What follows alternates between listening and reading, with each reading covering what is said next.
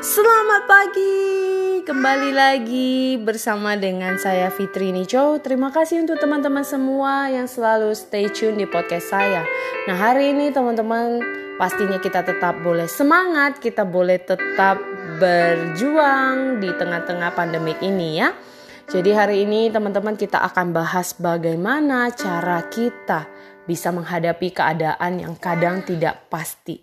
Tentunya adalah pastinya kita harus stay calm down, apalagi hal-hal negatif yang membuat kita kadang lupa untuk tetap tenang karena kondisi yang tidak kita harapkan.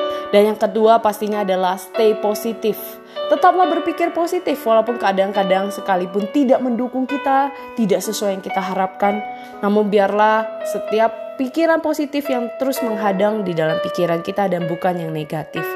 Dan pastinya teman-teman harus punya stay spirit ya, tetap semangat di kondisi pandemik, di kondisi lingkungan yang mungkin kadang membuat kita jadi jatuh bangun dengan hal-hal negatif yang membuat kita tidak percaya dengan diri kita.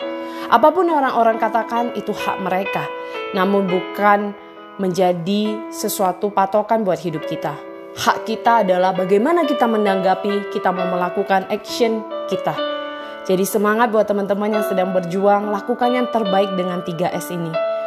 Stay calm down, stay positif, dan stay spirit. Semoga kita boleh tetap menjadi inspirasi di mana pun kita berada. Semangat pagi!